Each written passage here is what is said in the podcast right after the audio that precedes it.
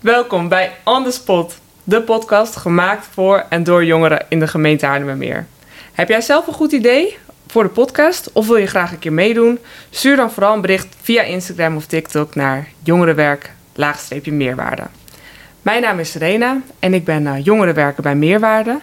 En op 10 september is het World Suicide Prevention Day. En in deze aflevering ga ik het gesprek aan over zelfmoordgedachten bij jongeren. Mocht jij zelf zelfmoordgedachten hebben of heb je hulp of advies nodig, neem dan contact op met 113. Zij zijn 24/7 beschikbaar en op de website kun je alle informatie hierover terugvinden. Daarnaast zijn ze 24/7 gratis en anoniem bereikbaar via de chat op hun website of via telefoonnummer 0800 0113. Jeetje, wat een binnenkomer. Ja, Ja, lekker gezellig. het is een, eh, Gezellig onderwerp. Een pittig thema inderdaad en vaak lastig ook om te bespreken, ehm, maar juist wel heel belangrijk. En daarom eh, ga ik vandaag het gesprek aan met, Met mij. met jou. En ik ben Jenny. Jenny. Ja, ik ben eh, nu 27 jaar. Ehm, en ik werk nu inmiddels binnen de GGZ. En ik studeer verpleegkunde. Ehm, en ja, ik zet me daarnaast als ervaringsdeskundige ook in voor dit soort eh, projecten. Ja.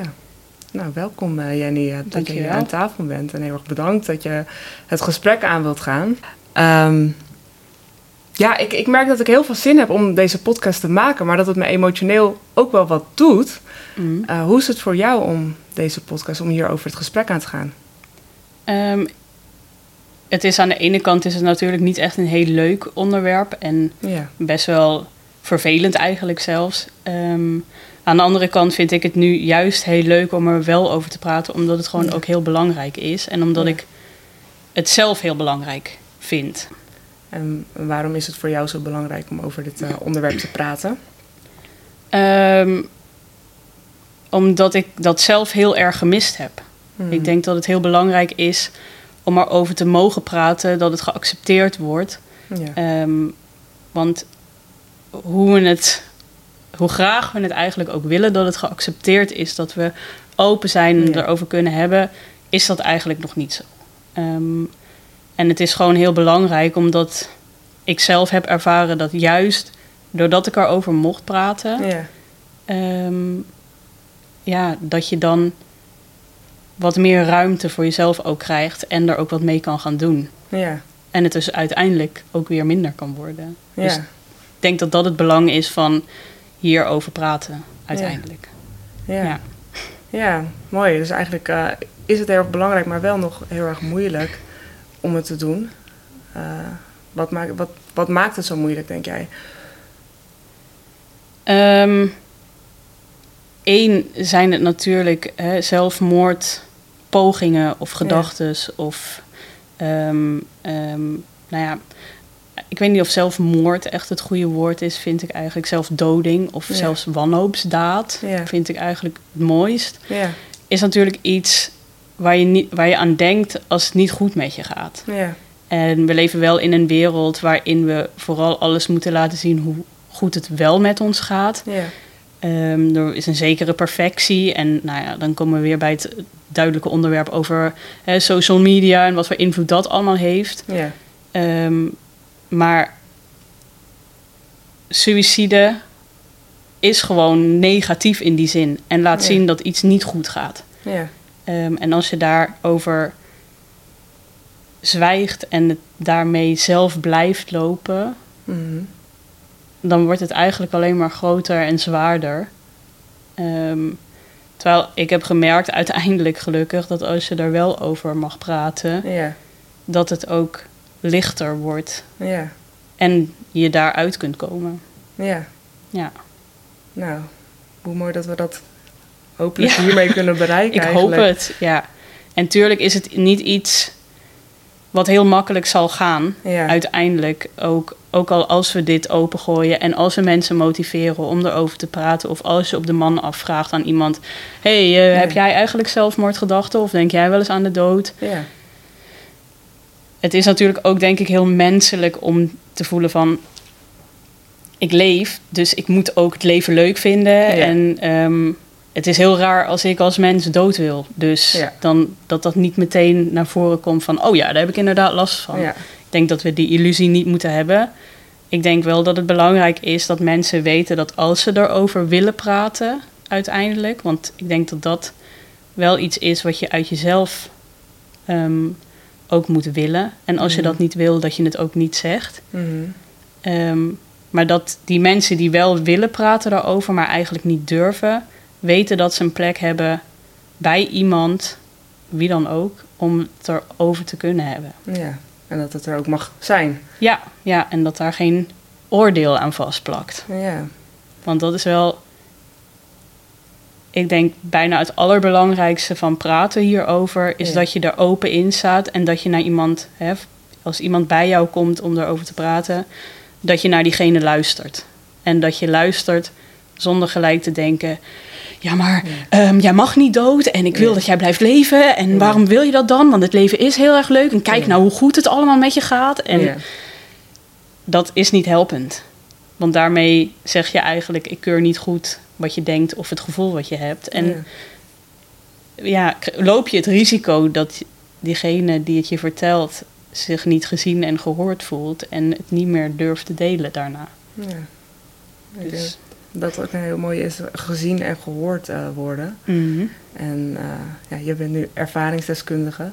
Ja. Eh, ik merk het ook dat je inderdaad heel veel ervaring nu te delen hebt. Ehm, en mooi eh, als je andere mensen daarmee ook in hun krachten kan zetten. ja, dat is uiteindelijk wel de bedoeling, dat je dat je ook kunt laten zien Ja, Eh, ook aan mensen, denk ik, vooral als het gaat om, om zelfmoordgedachten eh, of zelfmoordpogingen doen of wat dan ook, dat je daar kunt zijn geweest.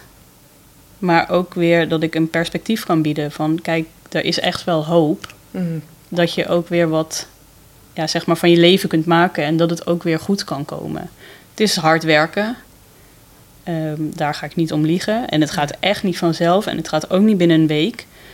Ehm, maar het, het kan echt weer beter worden. ja. En dat is denk ik wel heel belangrijk voor iedereen die ermee struggelt om dat ook te kunnen zien. En dan ben ik graag wel een beetje een soort van levende voorbeeld daarvan dat je daar geweest kunt zijn, ehm, maar ook uit kan komen. ja interessant. Ja.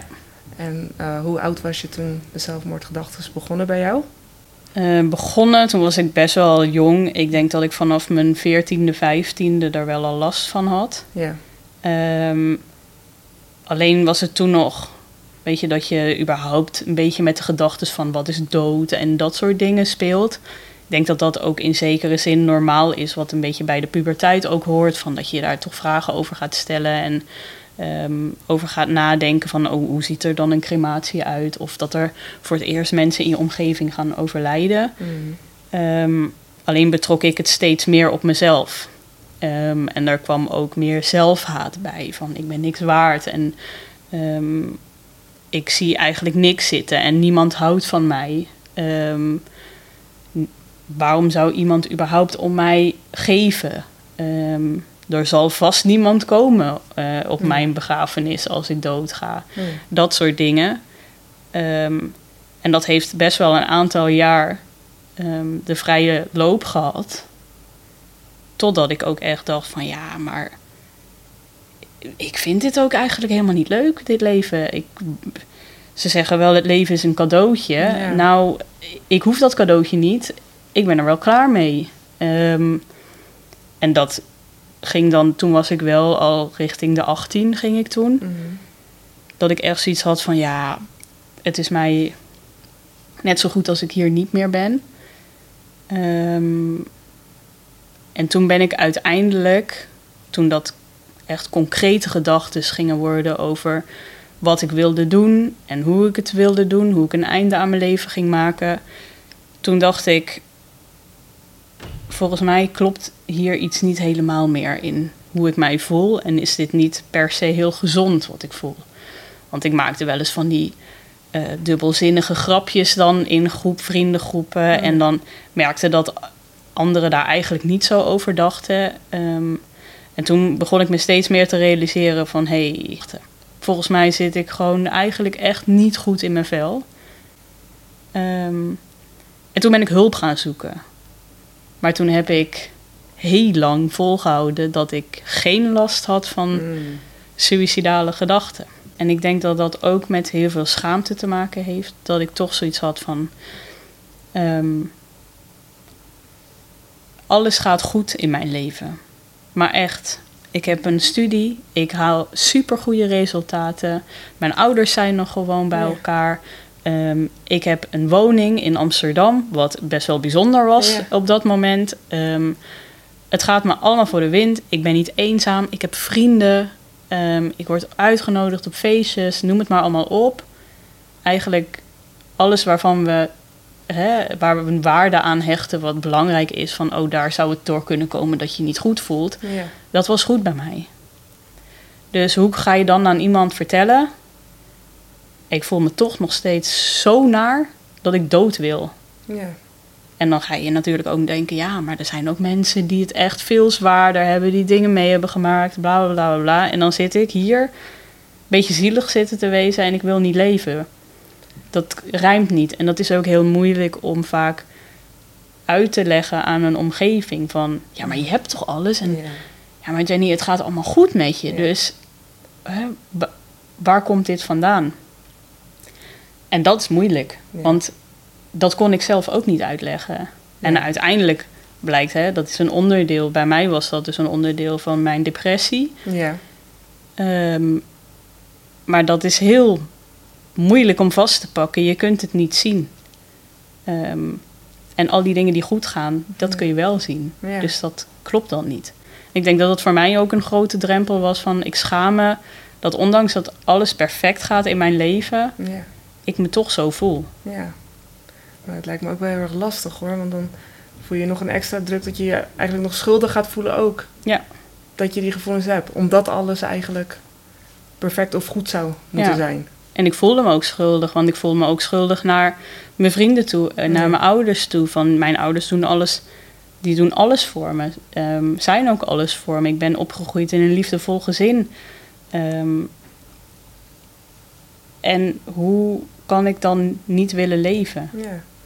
En hoe ging jouw omgeving hiermee om? Zagen zij dit aan jou? Nee. Ehm, ik heb op een gegeven moment zelf gezegd dat ik naar een therapeut ging. Ehm, ook niet waarom. En überhaupt toen het al op de middelbare school niet zo goed met mij ging, mentaal dan. ehm, ja, ik denk niet dat iemand dat door heeft gehad. Want ik was altijd de vrolijke Jenny. Jenny haalt Mhm. goede cijfers op school. Ehm, ik functioneerde gewoon heel goed. En dat is. Soms kan dat een probleem zijn. Want juist dan gaan mensen niet meer op je letten. Nee. En gaan geen vragen aan je stellen. En dat is heel logisch, want er zijn ook genoeg anderen waar het minder mee gaat en Ja. dat ook gelijk ziet. Ehm, die ook weer aandacht nodig hebben. Alleen, ehm, ik kon me daardoor wel heel goed daarin verschuilen. Ja. Ehm, dan kun je zeggen, nou ja, uiteindelijk zag je het wel aan mij toen, ik, toen het heel ver kwam en ik ook bijvoorbeeld een zelfmoordpoging heb gedaan. Ehm, dat zijn momenten waarop ik ook echt binnen een hele grote vorm van hulpverlening kwam. Ja. En toen kon het van me afglijden. Het masker hoefde ook niet meer op. Het was helemaal duidelijk. Nou, Jenny gaat naar een kliniek ook uiteindelijk geweest. Ehm, en toen kwam het wel wat meer naar voren en zagen mensen het ook aan me. Was ik heel moe bijvoorbeeld ook. Maar in die tijd daar naartoe, nee. Ook mensen die dan naar me toe kwamen achteraf, die zeiden: ehm, Ja, dat jou dit overkwam. Eh, ik stond daar wel van te kijken. Ehm, en dat is denk ik iets wat heel veel voorkomt. Dat je juist bij de mensen die positief, energiek, eh, de gangmakers zijn, of waar je eigenlijk van denkt, nou, daar is niks om zorgen over te Ja. maken, dat die juist ehm, ja, een strijd leveren in hun hoofd. Ja. Tenminste, zo heb ik dat wel toen ervaren. ja. Ja, Ik denk dat dat ook wel heel goed laat zien dat je niet goed weet eigenlijk wat er echt in iemand speelt en wat er echt Nee. in iemand omgaat. En hoe belangrijk het misschien is om daar soms ook alert op te zijn en juist het gesprek erover aan te gaan. Ja, want het gevaar is wel, we zijn zo ja, geprogrammeerd, zal Ja. ik maar zeggen, om te denken: oh, nou, hoe zit je erbij? Hoe zie je Ja. eruit? Oh, je draagt een make-upje. Oh, je hebt Ja. leuke kleding aan. Zorgt goed voor jezelf. Ja, het zou wel oké zijn. Ja, Terwijl, ja, bij mij was het helemaal niet oké. nee. Eh, maar ik wilde in het moment dat ik met mensen was, dat het wel oké was. En dat ook neerzetten. Want Mhm. het is veel te ingewikkeld als mensen aan je gaan vragen van... hoe gaat het nou echt met je? Ja, Ja, ja en dat, je hebt dus jaren met het gevoel gezeten. ja En dat heeft er op een, punt, op een gegeven moment opgeleid dat je echt dacht... ik ben er klaar mee. Nu ben ik Ja. er echt klaar mee. Ja, is, denk je dat dat voorkomen had kunnen worden? ja, Ja? ja. Dat denk ik wel. Ehm, ik geef vaker het voorbeeld dat... ehm, op het moment dat ik met die gedachten struggelde, leerde ik wel hoe ik een scheikundige vergelijking recht moest Mhm. zetten. Of eh, hoe heet dat, in evenwicht kon brengen. Ja. Ehm, en hoe je zinnen moet ontleden. Maar er was nog nooit iemand die me had uitgelegd van hoe is het eigenlijk als je je somber voelt? Of Ja. ehm, wat is normaal? Wat zijn normale emoties? Wat, ja. wat is niet meer normaal? Ehm, dus ik had ook geen idee. Weet ik veel. Nee. Ehm, tuurlijk hadden we maatschappelijk werkers op school. We hadden ook zorgcoördinatoren. En ik denk als ik daar terecht was gekomen, dat ik dat misschien daar geleerd had. Maar dan moet je wel eerst zelf op hebben gemerkt van dit is niet gezond. Het feit dat ik pas op mijn achttiende daarachter kwam, shit, ik wil eigenlijk nu dood blijkbaar. Ja. Dat kan niet gezond zijn Ja. dat had fijner geweest, denk ik, als ik van tevoren al had gehoord van, joh, als je hierover nadenkt of als dit gedachten zijn die in je opkomen, hè, die gewoon in je op kunnen komen, Ja. ehm, laat het, weet je, praat erover, laat het weten. Ik denk dat als ik eerder aangespoord was om daar echt over te praten, Ja. dat ik niet daar was gekomen waar ik ben geëindigd. Hm. Ehm, en ik kan het natuurlijk nooit zeker weten. Nee. Maar ik weet wel dat voor mij erover mogen praten. Uiteindelijk ehm, het belangrijkste is geweest. Mhm. Dat ik het niet alleen hoefde te dragen. Want ehm suïcidale gedachten en, en het dood willen gaan is heel eenzaam. En ik denk dat dat het naarste gevoel is wat daarbij hoort. Ehm, dat je gewoon denkt dat je de enige bent. Dat je het alleen draagt. Ja. En vaak ook in stilte draagt. En dat er dus heel veel jongeren zijn die ook in deze eenzaamheid kiezen voor het einde van hun leven. Ja. Terwijl als je, al, al is het één iemand die met je mee kan dragen, ik denk dat dat een heel groot verschil kan maken. En dan maakt het niet uit wie dat is. Of dat een mentor is, of dat de schoonmaker op school is, of dat eh, je psycholoog is, of je ouders, weet je, ook helemaal prima. Maar iemand moet er zijn die het samen met je gaat dragen. Want ik denk niet dat je deze gedachten in je eentje kunt Nee. dragen of moet willen dragen. Nee. Nee. Ik hoor dan ook heel sterk eigenlijk, dit, het, het is al heel eenzaam. Ja. En dit zou eigenlijk niemand alleen.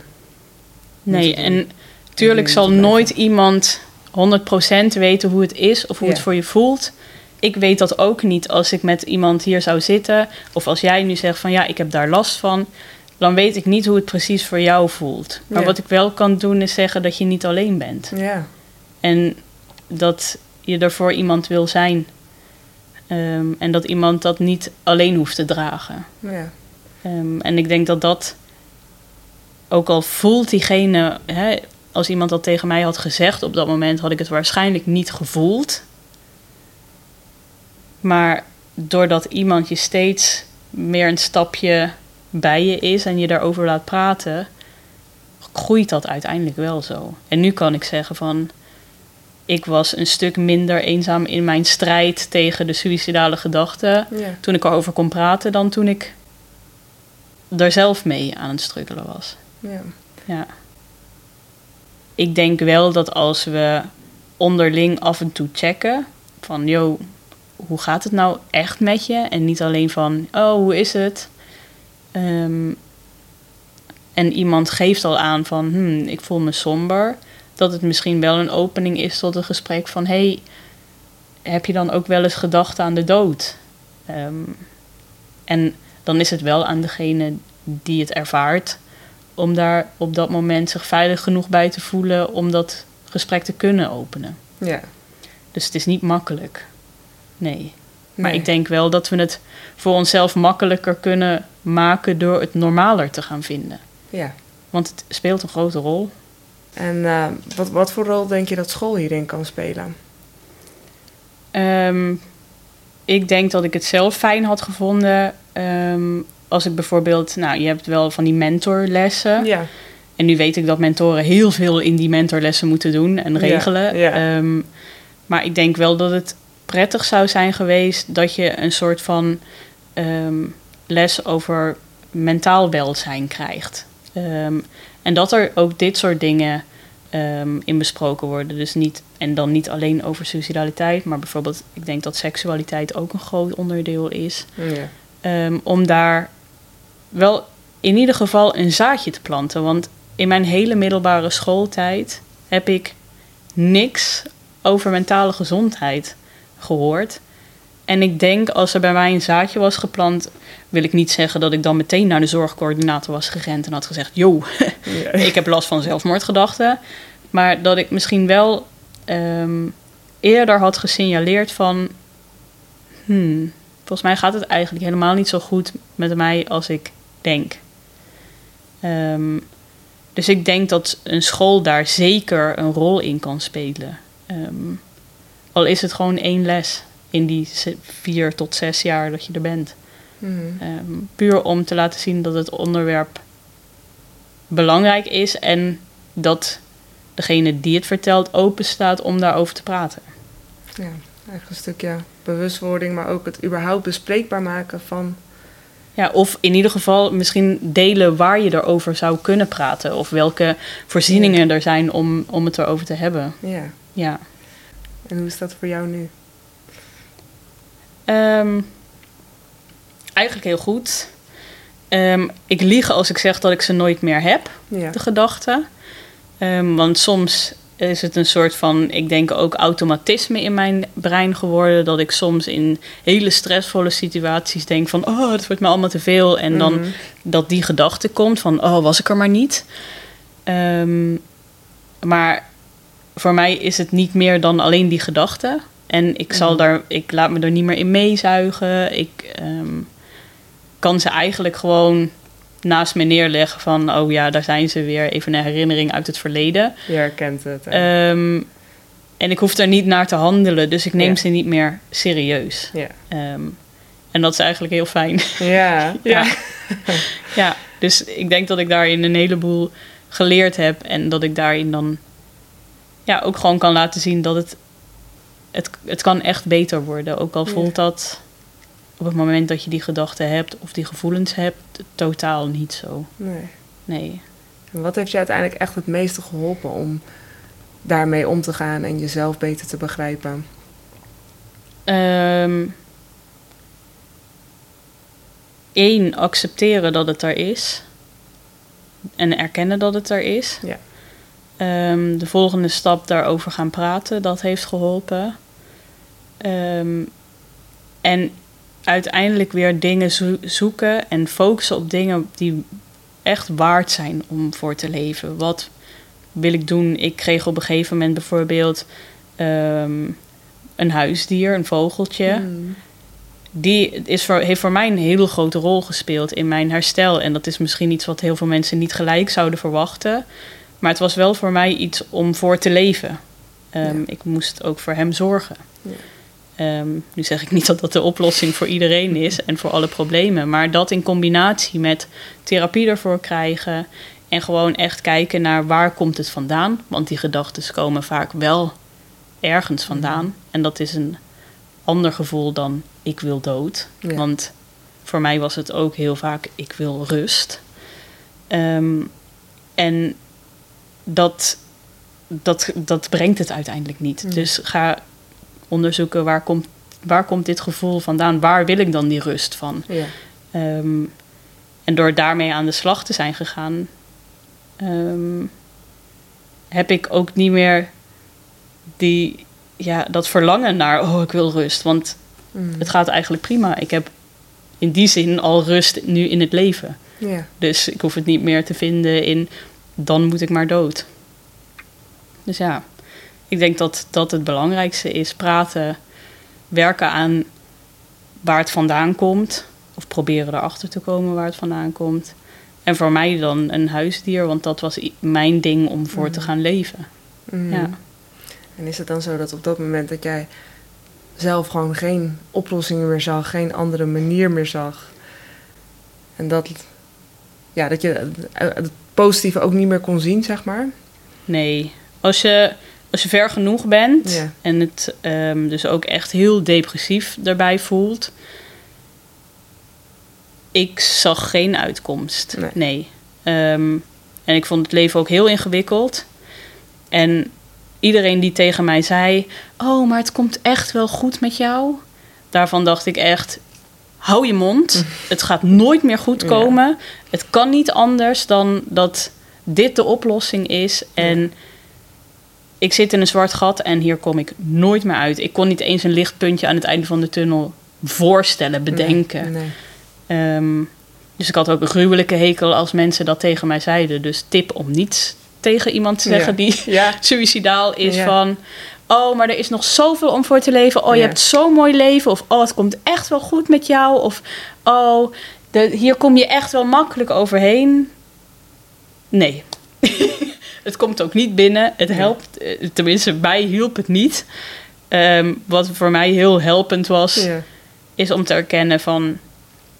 Zo, wat, wat naar dat je dit voelt. En oh, dat lijkt me echt heel zwaar als je dat idee hebt. Ja. Dat je er niet meer uit kan komen. En ehm, ja, weet dat je er met mij over kan praten. Want ik heb eindeloze adviezen in die tijd gehad. Mhm. Oh ja, misschien moet je dit doen. Even buiten wandelen, lekker in de buitenlucht, afleiding. Iedereen met zijn adviezen. Het is heel logisch. ja. Het hoort bij ons. Ja. Maar het er is niets hatelijkers dan dat iemand tegen je gaat zeggen... Oh, weet je wat helpt, meid? Nou, even lekker in de zon gaan zitten. Ja. Voel je je weer helemaal weer goed. Ja, nee, dat helpt voor die gedachte niet zo heel veel. Blijft goed advies, want hè, naar buiten gaan is een Ja. goed idee. Ja. Ja. Maar het is niet helpend als iemand tegen je zegt van... Ik zit hiermee. Ja. Ehm, want diegene ziet zelf geen uitweg daarin.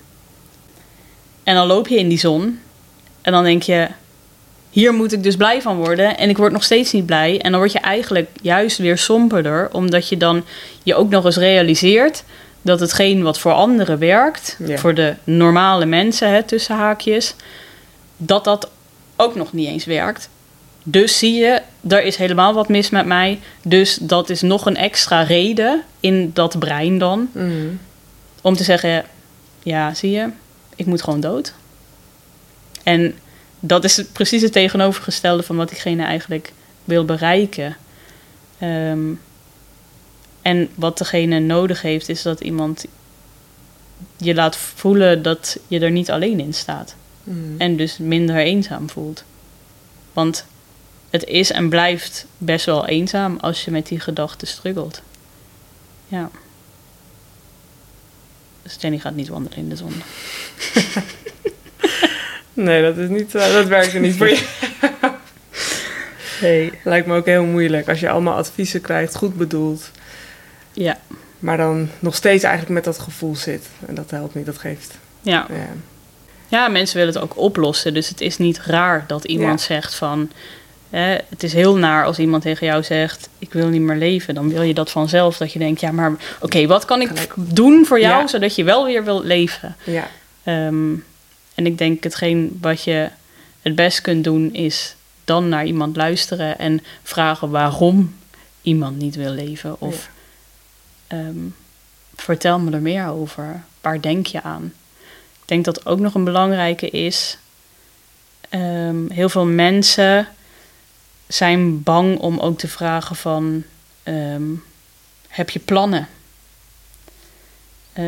Heel direct. ja, Ja. bijvoorbeeld. En dat kun je heel netjes inpakken, maar om daarnaar te vragen, omdat wat ik vaak terugkreeg eh, achteraf nadat ik er met mensen over ben gaan praten, waarom ze dat niet aan me vroegen, is dat ze dan bang zijn ehm, dat ze mij op ideeën brengen. Ja. Ik heb nieuws voor je. Ik denk iedereen die er al mee zit en die ook daarmee bezig is, hè, met plannen maken, die heeft al een plan. Daar ga je niks nieuws aan aandragen. Ehm, en voor mij was het juist super fijn dat iemand eindelijk eens een keer ging vragen van... Heb je ook een plan gemaakt om, om dood te gaan? En dat ik dacht... Wauw, ik mag hier met jou echt Ja. over praten. Ja. Ehm, en dat kan heel confronterend zijn, maar voor mij werkte het ook juist als een soort van opluchting. Dat ik dacht: Oh, ik mag eindelijk Fijn. eens tegen iemand Ja. zeggen dat ik hierover nadenk en waar ik dan over denk. En ehm, Je hoeft niet meer alleen ik te hoef zitten. me, ja, en ik hoef me daar Ja. niet over te schamen, want diegene vraagt er ook gewoon Ja. naar. Dus hij is er ook oké mee dat ik daarover praat. En wat daarin wel dan weer belangrijk is, was dat ik die veiligheid wel kreeg van... Ik ga hier niet gelijk nu dan meteen de politie, ambulance of wat dan ook bellen. Ja. Ik vind het vooral belangrijk dat je het met me deelt. Dus dat daar niet meteen een soort van lading van paniek op kwam. Want Mhm. dit was iets waar ik al lang mee bezig was. Dus ook niet in die zin acuut hulp in nodig had. Ja. En misschien dat daarom die doorvragen ook zo belangrijk zijn. Zodat je weet hoe Ja. staat iemand erin. Hoe acuut is het eigenlijk. En daarin ei- ja, ook direct in zijn. En iemand die het echt niet wil vertellen, Die gaat- die gaat het ook niet vertellen. Mhm. Maar iemand die het misschien wel wil vertellen, daar open je wel een deur voor. Ehm, en ik denk dat dat ja, mooi meegenomen is in die zin. Er zullen altijd mensen zijn die daar wel ook over willen praten. Mhm. Ja. Heb jij nog zelf iets wat je graag kwijt zou willen? Of willen delen aan luisteraars waarvan je denkt, ja, dat, dat moet je echt wel weten. Of... Ehm, ik hoop dat we uiteindelijk gewoon niet bang zijn om erover te praten. Ehm, en dat het gewoon echt heel belangrijk is, al heb je een soort van onderbuikgevoel ehm, bij iemand, vraag het, stel de vraag. En als dan niet meteen het antwoord komt, dan heb je wel een zaadje geplant. En ik denk dat dat het allerbelangrijkste is wat we kunnen doen. Want dat is gewoon zaadjes planten bij mensen. Dat het oké Mm. is om daarover te praten. Ehm, en dat we daar niet meteen een gigantisch resultaat van hoeven te verwachten. Maar dat dat misschien wel in de toekomst ehm, iets voor iemand kan betekenen. Ja, Ja, ja mooi. Ik eh, denk dat dat ook heel belangrijk is om inderdaad wat meer alert te zijn op elkaar. En in te checken hoe gaat het nou echt met iemand. Ja. En daarover kunnen praten met elkaar. En wees niet bang om iets verkeerds te zeggen.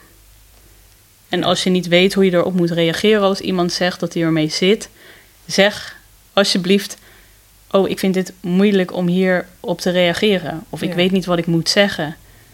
Want dat is veel fijner dan gelijk over te stappen. Of om het te negeren, dus om het dan maar niet te vragen, omdat ik niet weet hoe ik erop moet reageren. Of om gelijk een advies te geven of er overheen te praten van... oh, maar dat, dat moet je niet doen of dat soort dingen. Maar Ja. soms zeggen, oh, ik weet niet wat ik hierop moet zeggen. Dat is misschien denk ik al genoeg. Ja, Ja, ja. maar dat het in ieder geval wel gezegd mag worden. Ja. En hoe mooi als iedereen uiteindelijk ja, toch wat meer van zichzelf kan laten zien. Hoe hij zich voelt en wat er in zich omgaat. ja, Heel erg bedankt voor je, dank. je openheid, voor je verhaal. En ik hoop zeker dat het mensen in hun uh, kracht gaat zetten en motiveert om meer te delen en meer het gesprek hierover aan te gaan. Ja. Um, we gaan afronden. Deze podcast is daarmee tot een einde gekomen, maar we zijn nog niet klaar. In de volgende aflevering ga ik namelijk het gesprek aan met een psycholoog van 113. En ik kan nu al beloven dat dat ook echt een super interessant gesprek zal worden, dus blijf vooral luisteren.